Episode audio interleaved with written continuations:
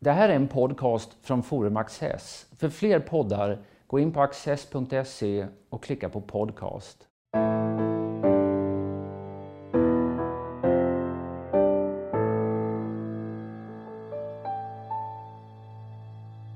Välkomna till Studio Access. Eh, temat för dagen är kulturarvsfrågorna som har blivit heta och kommit in i debattens centrum på ett kanske lite oväntat sätt. Eh, mina gäster för att vara med i detta samtal är Carl Lindstrand. Du är advokat, ekonom men också starkt engagerad i kulturarvsfrågor och har skrivit om detta. Susanna Birgersson är fristående skribent, bosatt i eh, Köpenhamn. Och vi börjar lite i Danmark kanske.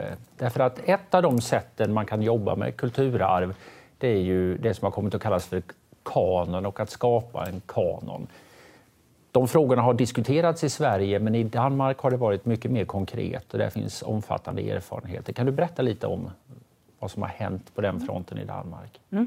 Under 2000-talet har det faktiskt tillkommit tre stycken olika kanon. Eh, under borgerliga regeringar. Och eh, de har lite olika karaktär, används på lite olika sätt och eh, har fått lite olika betydelse och, och har eh, omtalats på olika sätt. Eh, och det ger oss här som funderar på en svensk kanon väldigt eh, goda exempel på hur man kan göra och hur man inte ska göra. Tycker jag. Eh, och eh, det mest lyckade exemplet är väl litteraturkanon från eh, 2004 som är en, eh, en lista på 14 författarskap, eh, danska författarskap som alla elever som går ut grundskolan ska ha koll på eh, det, det var en ganska o, eh, odramatisk process när det, här, när det här tillkom. Det var eh, utbildningsministeriet som, som eh, beställde eh, och, och eh, liksom ville ha en sån här kanon. Eh, kanon används idag, används i skolan. Eh, den omförhandlas lite grann, uppdateras. Men är en, en levande produkt. Men du sa att det var borgerliga regeringar, som mm. regeringen Fogh Rasmussen då en gång i tiden, Precis. som införde denna. Men den har ju överlevt regeringsskiften eh, yeah. med, med, socialdemokratisk regering också. Ja, precis. Och eh, sen så tillkom det en, eh, en, en kanon som kallas för Danmarkskanon 2014 som var ett mer politiskt projekt som handlade om att man skulle eh, folket skulle få rösta fram de tio viktigaste värderingarna eller företeelserna i Danmark. Eh, och eh, det blev mer som en ska man säga, ploj och PR-grej för, för den eh, förra borgerliga regeringen var det väl. Eh, och den, den, diskuteras aldrig nu, den har liksom inget användningsområde. Det var liksom bara, det var bara en, en eh, på något sätt kul grej för kulturministeriet när, det, när den tillkom. Men det som, det som vi väl kanske tänker på i Sverige när vi pratar om den danska kanon är ju den som kom 2006 och som är liksom, den är eh, väldigt omfattande. Den innehåller inte bara eh, litteratur utan den innehåller liksom arkitektur, konst, film, design, musik, eh, barnkultur, kanske något mer. Eh, och den, eh, eh det var sju stycken olika kommittéer som tillsattes av den eh, borgerliga kulturministern eh, man hade, liksom, man hade verkligen lyckats sätta ihop kommittéer av väldigt olika slags människor från olika håll i kulturvärlden och i den akademiska världen och med olika politiska... Och, och där var människor glada och ville vara med i de här kommittéerna och tyckte att det här ja. var en bra idé. Ja. Jag vet att du har uppmärksammat att liksom det verkar finnas lite skillnad i danskt och svenskt eh, kynne eller ideologier, vad det nu kan vara här. För när, när Sverige skulle välja ut immateriellt kulturarv till Unesco eh, så lyckades de inte få Nej, fram en enda var, grej. Det var ganska nyligt, det var väl i våras. Eh, och då meddelades det från kulturdepartementet att det är problematiskt eh, att, eh, att gradera olika kulturer och därför så avstår Sverige från att lämna några, några bidrag till, till den här världsarvslistan. Så resultatet blir att inget... Ingenting alls. Men vi sätter upp byggnader och sånt här på Unescos världsarvslista. Ja, men, men det, det kanske har skett i andra sammanhang. Det, det är i alla fall den, den inställning som har meddelats från kulturdepartementet så sent som i våras. Okej, okay, vi väljer inte ut någonting. Nej. Och i Danmark tävlar man om att få vara med ja. och välja ut saker och ting. Ja, men det där är, är så fullständigt obegripligt. För det, det, är liksom, det handlar inte om att vi ska säga att det här, det här är det svenska kulturarvet och det är bäst vi vill hamna högst upp på någon lista. Det handlar om att här, här är vår del av kultur, världskulturarvet. Liksom. Vi är en del av, av den samlade mänskligheten. Det handlar inte om att det är liksom bättre än någon annan, en, en eh, kulturarv från någon annan kultur. Mm. Det, är, det är en fullständigt obegriplig hållning det där. Väldigt märklig. Eh, och just att man så att säga undanhåller, det, är en tanke som slagit mig också, att man undanhåller mänskligheten i stort. Eh, faktiskt en del av det gemensamma ja, kulturarvet. Att, att det skulle kunna finnas människor som inte är etniska svenskar eller bosatta i andra delar av världen som faktiskt kan vara intresserade av svensk mm. kultur. Och, och om, om, eh, nu kommer vi in på den politiska dimensionen, men om regeringen då som huvudman här för förvaltningen av, av det materiella kulturarvet inte tar ansvaret och, och förmedlar vad, vad, vad som faktiskt finns och härrör från Sverige, vem ska då göra det? Ja, i alla fall i det sammanhanget. I alla fall ja. i det sammanhanget. Ja, De 108 verken, för det blev det så mm. småningom mm. i den här eh, eh, hur valdes det ut och vad fick det för betydelse? Det var ju de här eh, sju kommittéerna som valde ut inom varsitt område. Ehm, och eh, det är liksom ganska självklara verk. Det är, det är, inget konstigt. Jag tror inte heller att det blir någon stor debatt efteråt om att det här borde inte ha varit med eller det här skulle ha varit med. Eh, det som, det som eh, gjorde, tror jag, att, att den här kulturkanon ändå eh, på något sätt dog ut eller liksom mm. försvann från offentligheten var att det blev så politiserat genom eh, kulturministerns tal på hösten 2050 till sitt eget parti. där han säger att, han ska, att kulturkanon ska användas som ett vapen mot människor med eh, medeltida värderingar. Och då menar han muslimer. Eh, det tilltalar naturligtvis en del av den danska befolkningen men, men väldigt många tyckte att, det var, eh, att de hade blivit förda bakom ljuset. Det var, liksom, det var inte det här vi skulle ha vår kulturkanon till. Det var inte, vi skulle Så här ha... hade de suttit och valt ut liksom ja. Karen Blixen och Carl Nielsen ja. och sen var de plötsligt ett, ett vapen. Ett vapen. Kidnappade. Ja, precis. Ja. Eh, och, eh, så dels det, dels att den blev så politiserad, eh, dels att den faktiskt inte hade något eh, faktiskt eh, användningsområde. Den skulle inte användas i skolan, den skulle inte användas av specifikt museerna på något speciellt sätt, utan det var liksom bara en, en färdig produkt här. Här är 108, här är det allra bästa av vad vi har att erbjuda. Men den, det fanns liksom inte riktigt en arena för den. Mm. Eh, så därför är den inte riktigt närvarande längre, tycker jag, i, i liksom dansk kulturdebatt. Eller, jag är osäker på hur, hur, vad folk vet om egentligen vad som finns, vad som ryms i den. Vad tycker du om det här med kanon? Känns det som en, en bra idé? Um. Ja, lite, om, alltså, för att återkomma till det här med, jag, jag nämnde det här med, med huvudmannaskapet. Eh, ja, i, i, det, är, det är inte utan sina problem om man säger så. Eh, man ställer sig frågan om det här kan användas i negativa nationalistiska syften och så där. Och det där måste man naturligtvis fundera på. Men, men igen så är det ju så att det finns ju ändå vilken syn man än har på saken så finns det traditioner, det finns, eh, det finns kulturyttringar, det finns litteratur som, som faktiskt är intressant att, att bevara, att beforska, eh, att lyfta fram. Och eh, jag återkommer till det här med huvudmannaskapet. Det, det är, alltså, är man liberalt lagd så är det väldigt frestande att säga att, att eh, politikerna ska överhuvudtaget inte lägga sig i eh, hur kulturen utövas eller vad som är viktigt eller vad som inte är det. Men då duckar man för det här med huvudmannaskapet och jag, jag återkommer till det att, att om eh, inte, som du säger i det här sammanhanget, regeringen tar, tar ett ansvar för, för eh, ett huvudmannaansvar så att säga, för förvaltningen av, av det, det materiella kulturarvet, vem ska då göra det?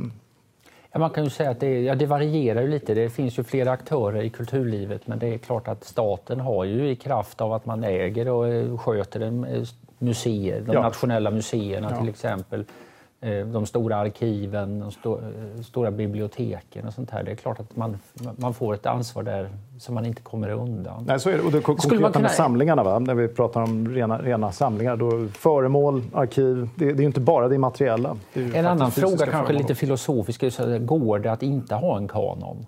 Utan här är ju frågan om man ska artikulera den och sätta den på papper eller inte. Eh, så, och det är ju ett sätt att göra den öppen och eh, möjlig att diskutera. Men eh, på ett lite vagare sätt så kommer det ju att finnas en kanon i ett samhälle liksom, där, där människor som är ja, någon viss bildningsnivå ändå har gemensamma erfarenheter. Så, eh, på ett sätt kanske det är en, eh, man smiter om man säger att man inte ska ha någon kanon, mm. därför att den finns där i alla fall. Och den tänker jag är, är ju inte framförallt svensk, utan den är ju kanske europeisk, eh, amerikansk också för den delen. Eh, liksom det som vi, eller de, som vill, som vill tänka på sig själva som bildade, det, det, de gemensamma referensramar som de har är ju inte framförallt svenska, eller bara svenska. Det är ju liksom inte Stagnelius och Torild och, och sådana som, som man har gemensamt att referera till, utan det är ju, det är ju liksom också engelsk litteratur och fransk musik. Och, eh, så jag tror att, att, man får inte ha för stora ambitioner med en kanon. Man får inte, man får inte tro att den ska liksom, det här ska vara ingången till eh, liksom bild, en bildningsingång. Eh, jag tror att man, kan, man, man, får se det som en, ja, men det är no, no, någonting, någonting avgränsat nationellt eh, som i och för sig vi kan ha gemensamt och där vi kan, liksom, vi kan hitta någonting där vi, där vi alla känner till och har läst eller har sett. Mm. Eh, men jag tror att det är väldigt viktigt att hålla, hålla nere förväntningarna på en, en kanon. Det, det, kan liksom aldrig, en svensk kanon kan aldrig bli liksom ingången till, till Hela ett universum? Nej. Nej, men, men in, ja, eller ingång kan det inte bli en inkörsport i alla fall. Nu tänker jag, det, det är nästan oundvikligt att, att inte diskutera frågan om, om flyktingmottagandet och, och det stora antalet nyanlända som vi har i Sverige i den här kontexten. Och det är ju ändå så att, att någonstans så finns ju i kulturen så finns ju ändå nycklarna till, till det svenska samhället. Eh, och, och, det är ju också att inte, lite som du säger, att inte ha en kanon. Eh, det, det är ju det är ju frågan om man vänder på argumentationen. Där, där, där, varför ska man inte ha det? Varför ska man inte som nyanländ ha möjligheten att, att uh, få en, en uh, vad ska vi säga, introduktion till, till, till vad, vad svensk kultur och, och det svenska samhället? Jag tänker bara att det är två olika saker. Att, att, att, för mig är en kulturkanon, eller det som har med kulturarvsfrågorna att göra, det handlar om att värna det som vi riskerar att glömma bort mm. annars. Eh, integrationen handlar ju mer om att ge liksom, lägga upp på en bricka. Detta, ja, det är mer ambitiös, jag beskriver något mer liksom. ambitiöst, det, det, kan jag hålla med om. Visst. Ja, lite mer samtida aktiv, kanske. Aktivt kanske, men, det är, ja, men båda delar kan väl sägas vara kanon i någon, i någon ja, bemärkelse. Men det är två olika i, i bemärkelsen ändå. urval, att man gör medvetna urval. Nej, när jag säger det här att man inte är svårt att, att, att undandra sig att ha en kanon, så är det så är det nog. Men samtidigt är det en del som gör rätt tappra försök. Du kan ju säga att det här vägran att lämna iväg något till Unesco är en sorts eh, sätt att värja sig mot att välja överhuvudtaget. Du har intresserat dig mycket för museifrågor och hur museerna sköts och bedrivs. Och där finns detta tänk, i alla fall hos, i chefspositioner att man ska vara väldigt försiktig med att eh, säga att någonting är intressantare än någonting mm. annat. Kan du berätta lite om vad som ja, det händer? Blir väldigt, ja, det, så, så, så är det ju och det, det, mm, det går ju nästan längre än så. Eh, det finns exempel som... Det där, det där är en trend och en tendens. Eh, vad, hur ska jag formulera det? Det finns en tendens att museer och statliga institutioner idag fokuserar mer på att förmedla värderingar än att förmedla kunskap. Eh, och kärnuppgiften, tycker ju jag, då, borde vara att, att, att eh, berätta om de samlingar man har och att eh, utifrån dem eh, bygga, bygga vetenskapligt rimliga narrativ. Mm. Men Istället så, så, har man ett fokus på att, att eh, motverka vissa idéer som man inte tycker om, eh, lyfta fram vissa värderingar till exempel. Eh, eh, jäm, jämställdhet, eh, som visserligen är en viktig värdering, men det är frågan är det museernas uppgift att lära ut om jämställdhet? Eh, tolerans mot, mot människor från andra kulturer, jag menar, det, det, är en, det är en viktig värdering, men är det museernas uppgift? Och det finns exempel på, på, på eh, jag skulle kalla det för avarter som nästan speglar vad man ägnade sig åt under, under, eh, när man höll på med göticism och annat. Eh, när, när historieforskningen, eh, jag menar, Olof Rudbeck, man, man letade med ljus och lykta och hittade faktiskt på saker för att, för att framhålla svensk och skandinavisk forntid som en gyllene hjälte, hjältetid. Och nu gör man med samma metodik så gör man det motsatta. Mm. Eh, förr i tiden vill man liksom, då, då ska man lyfta fram att allt härrör egentligen från Sverige. Nu, nu, nu gäller det motsatta. Och typexemplet är ju det här som, som vi har hört ganska nyligen om, om Uppsala universitets eh, arkeologiska institution eh, där en forskare hittade ett, eh, man har hittat ett gravfynd eh, eh med, med ett mönster och ja. då, då, vill man, ja, du, du känner till det. det då, då, sägs då, då påstås det vara, vara kuf, kvadratisk kufisk skrift. Och då sågs då som man började extrapolera sig att ja, det kanske var den här kvinnan kanske var muslim då som hade begravts i, i Sverige och det kanske, islam kanske har påverkat eh, ja, Sverige kanske man inte ska tala om, om i, i, i vikingatida kontext, men Skandinavien kan vi säga i alla fall. Då. Men att man skulle ha påverkat skandinaviska begravningsriter på den tiden. Och, och kvadratisk kufisk skrift eh, blev, blev vanligt någon gång på 1400-talet. Och, och, det här är ju liksom... Som, man vill så gärna. Man vill så gärna, men det, det är ju inte vetenskapligt och det, det, det är inte vad, vad, vad den arkeologiska institutionen vid Uppsala universitet ska ägna sig åt, tycker jag. Jag tycker också ofta när man går på museer så får man liksom upptryckt i ansiktet att det var inte jämställdhet Nej. på 1800-talet och på 1700-talet och på 1600-talet och kvinnans ställning var si och så. Och, och, det är absolut inte ointressant, det är bara det är inte det enda intressanta.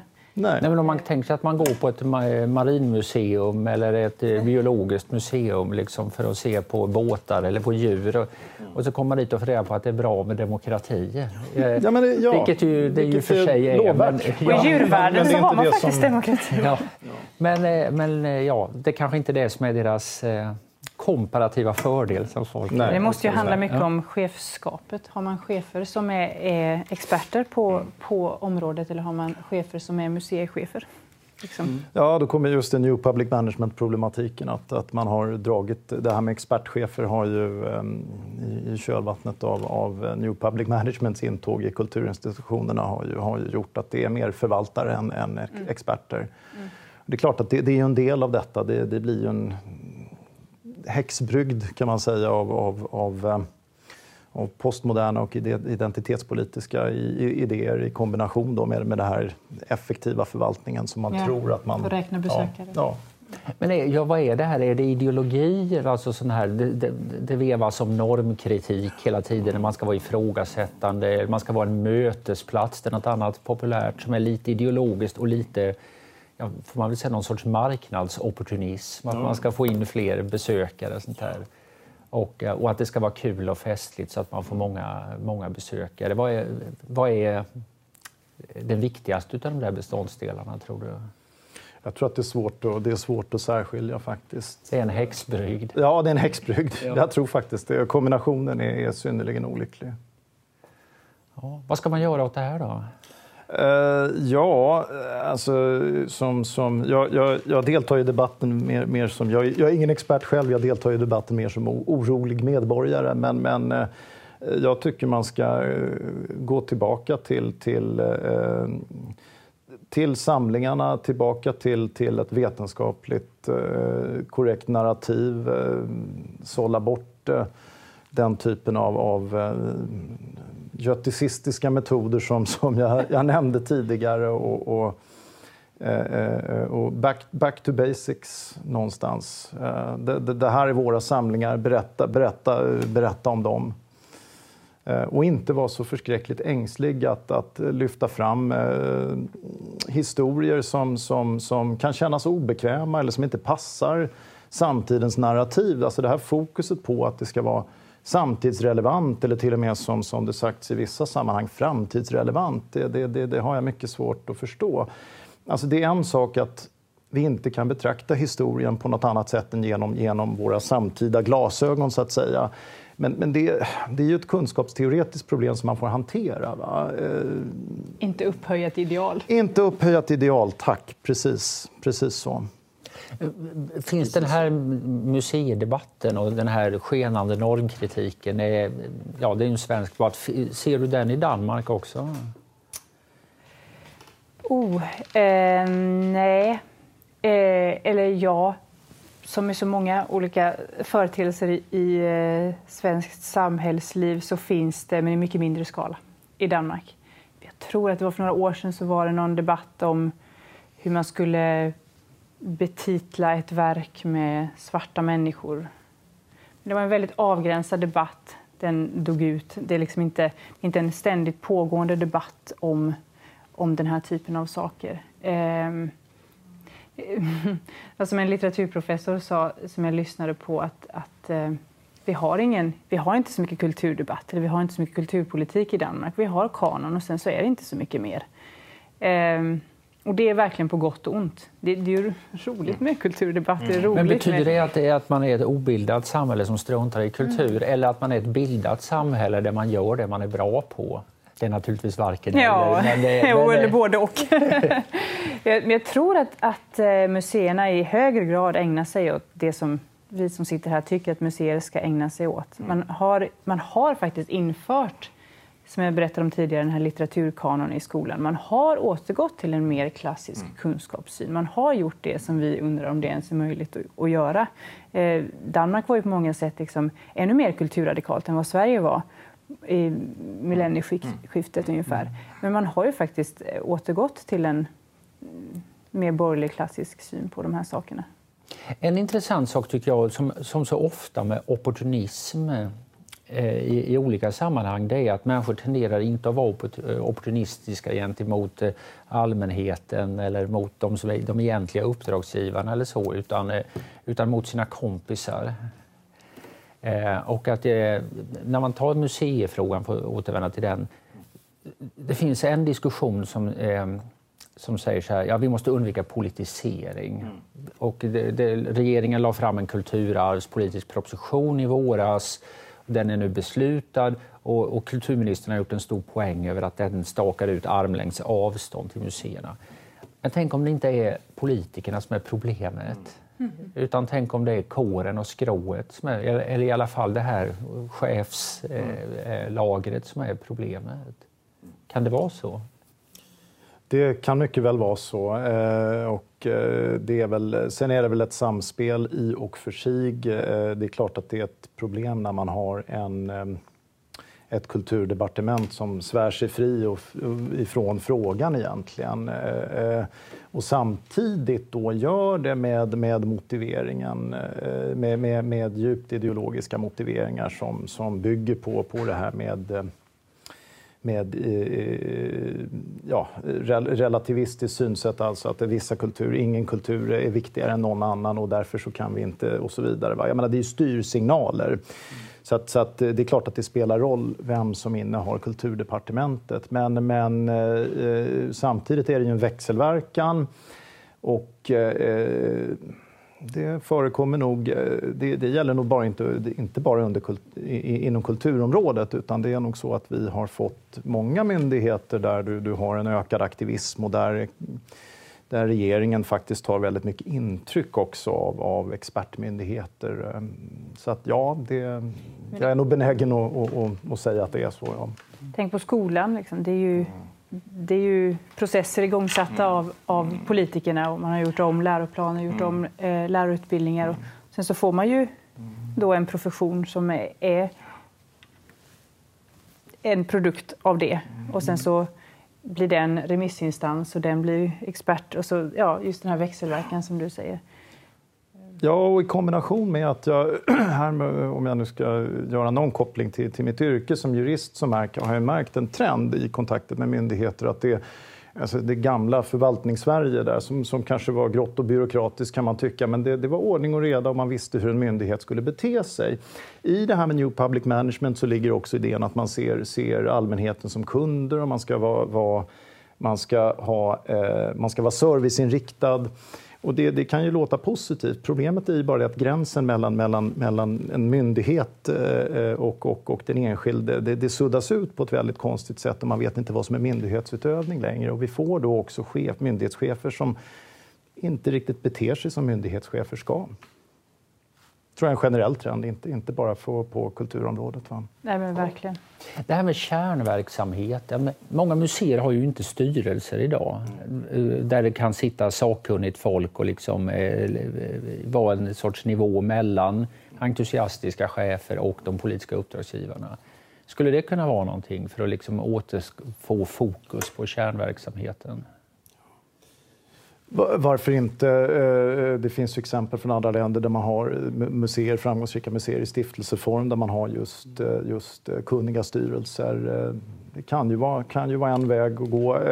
Jag menar, ett problem här är ju framför allt att man tappar experter också att man tenderar... Jag menar, det, det största exemplet här är ju, är ju idén om att slå ihop Östasiatiska etnografiska eh, eh, Medelhavsmuseet och sen då Världskulturmuseet i, i Göteborg till ett enda ja, liksom världskulturmuseum. Och det, det, det, det, visar ju att man har ingen större respekt eh, för, för eh, expertis, man har ingen större respekt för samlingarna som, som sådana. Vi, nu har vi pratat mycket om en svensk kanon och det svenska kulturarvet och jag har nämnt det här med huvudmannaskap. Men, men Sverige, har, alltså Sverige då, den svenska staten, har ju faktiskt ett huvudmannaskap för mer än bara, bara svensk kultur.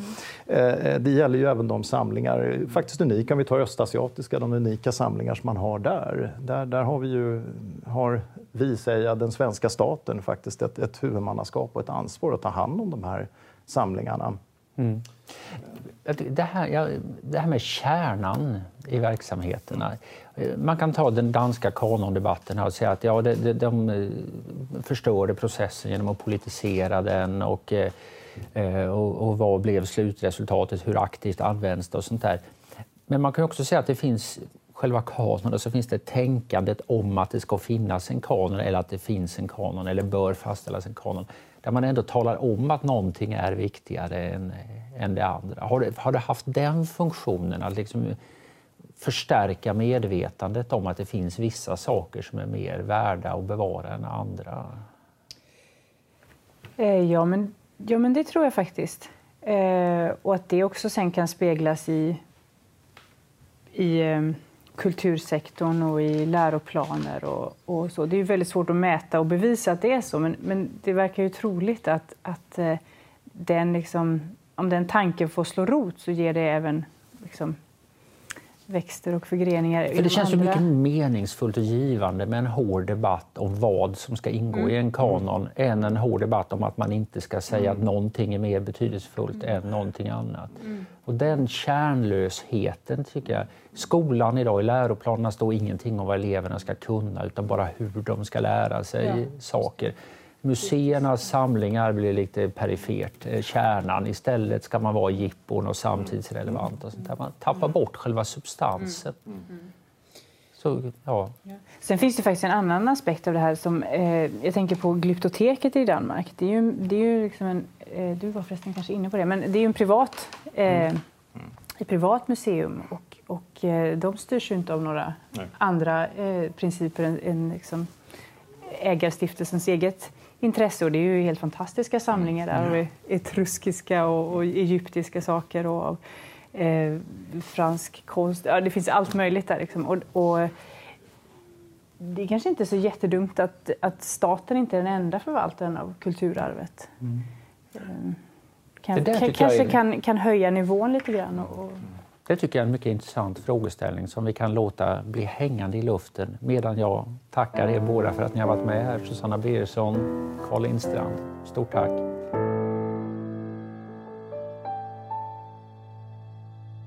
Och här kommer några extra minuter med mig och min gäst. Den här uttunningen, i hur hög grad är det en fråga om brist på resurser? Att staten sprider ut eh, resurserna över alldeles för många olika verksamheter och inte ser till att ett visst antal är ordentligt finansierade? Ja, jag vet inte om jag kan, om jag rätt person att besvara den frågan. Men, men, men det som, som, eh, den reflektion jag gör är ju att ja, det, det, alltså resursbrist är ju helt klart ett problem. Eh, tar man, eh, tar man världskultur, eh, eh, världskulturmuseerna så har vi ju hyresfrågan där, lokalfrågan som, som eh, har varit pådrivande. och eh, det förhållande att Statens fastighetsverk tar ut marknadshyror Eh, och det är marknadshyror inom citationstecken? Ja, ja, ja visst. Ja, det är, ja. precis. Marknadshyror, att man kan kalla det ens en gång ett sammanhang där det inte finns någon marknad. Va? Det är, staten, staten leker affär med sig själv så att säga. Och på det ni ska vara så... i de här lokalerna och vi betalar så här och, eh, och ni ska betala så här mycket och det kallar vi för marknadshyror. Mm, ja. ja. det, är lite, jo, det är inte riktigt vad jag fick lära mig i skolan. Nej, men det... Nej, det är en mycket säregen, eh, säregen ordning. Jag tänker på det nu vi, eh, när vi sitter här och pratar så alldeles nyligen då Public Service-kommittén kommit med sitt förslag om hur man ska ordna det med, med eh, tv-licens nu i en värld efter tv-licensen. Och då, då ska de här tre public service-bolagen vara garanterade sina 8 miljarder om året eller vad det är och, och, inte behöva prioritera det mot någonting annat i den statliga kulturbudgeten. Så samtidigt som man svälter ut sina museer så ska Public service sälja, sända sina datingprogram och sånt här. Det, det, återigen kärna eller, eller icke kärna. Vad är den stora skillnaden mellan dansk och svensk kulturdebatt? Du sa ju nyss att, inte på, eller att din någon bekant hade sagt att det inte pågick någon kulturdebatt i Danmark, men det, det, tror vi inte riktigt på. Alltså kulturlivet pågår ju och, och mår ganska bra tror jag. Eh, men, men, det blir sällan så eldiga debatter om den typen av identitetspolitiska saker som det blir i Sverige.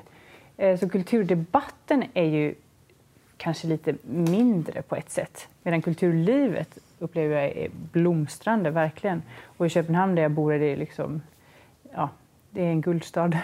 Men, men ehm, kulturdebatt, det handlar, den är ganska, det handlar ganska mycket så om bekännelse, bekännelseartiklar. Jag, det här, så här har jag valt att leva mitt liv, ni får inte kritisera mig. Och, um, det var det jag trodde alltså man fick bred... göra i Danmark. Ja, ja. ja, det är det man får. Så det, liksom, den är väldigt navelskådande. Den kulturdebatten tycker jag kanske inte är så jättespännande i Danmark. Däremot tycker jag att kulturlivet är desto bättre. Man håller på med kultur istället för metadebatter mm. om kultur. Ja. ja. Men, men, men hur, hur är det här med... Alltså för, för i Sverige så om man nu dristar sig till att kritisera normkritiken mm. så kommer ju som ett brev på posten eh, eh, argumentet att eh, ja, här läser man mellan raderna här så finns det ju en nationalistisk agenda och mm, ja, där är det ju det var en unken historiesyn och så vidare. Det, det, det, där kommer ju, kommer ju automatiskt att man gärna, gärna ägnar sig åt, åt halmgubbe-argument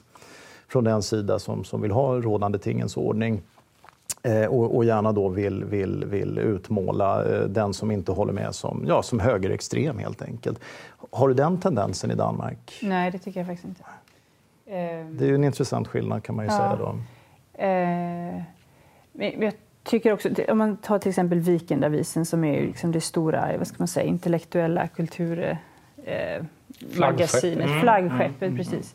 Det är inte så mycket av den här typen av debatter, utan det är liksom seriösa och långa recensioner av en det ena eller det andra. Det är väldigt mycket utrikespolitik eller utrikesreportage. Det är, liksom, det, det är ett annat... Eh, vi tänker ofta på Danmark som någonting liksom inskränkt och med staket mot omvärlden men det finns samtidigt ett väldigt intresse eh, inom kultursfären mm. för resten av världen faktiskt. Eh, man lägger ner mycket energi på att, på att skildra olika delar av världen. Eh, jag, jag, tycker bara det är helt enkelt inte så mycket av den typen av mm. debatter och det är ganska skönt. Det måste vara väldigt skönt för, att det, det, det för det, det, det gör ju samtalet väldigt, väldigt svårt i, ja, i Sverige. Ja, och kritiken av, av identitetspolitiken den är ju också ganska slapp får man säga, till tider. Det är, liksom, det är några fraser där som vi mm. lite mer borgerliga debattörer kan, kan svänga oss med. Det är inte heller alltid mm. liksom, väldigt substantiellt. Nej, så är det. Så är det. Eh, så, så bara det finns halvgubbar från andra ja, hållet. Mindre av den typen Intersektionalitet av debatter. till exempel, ett sånt som man, okej, okay, grund, ja. grundtanken kan man ju förstå är ganska vettig och sådär. Det, det, det, ja, men, men det, det blir ofta ganska hetska ord från borgerligt, borgerligt håll där också. Jag, jag håller med. Det, visst är det så. Jag ska inte avsluta med att lägga ord i er mun, fast, fast, fast jag gör nog det ändå. Och så här, ett visst sug tillbaka till kärnan, tillbaka till innehållet, kärnan. Kanske till och med till en kanon, nedtecknad eller, eller ej. Jättetrevligt att ha er här. Tack så hemskt mycket.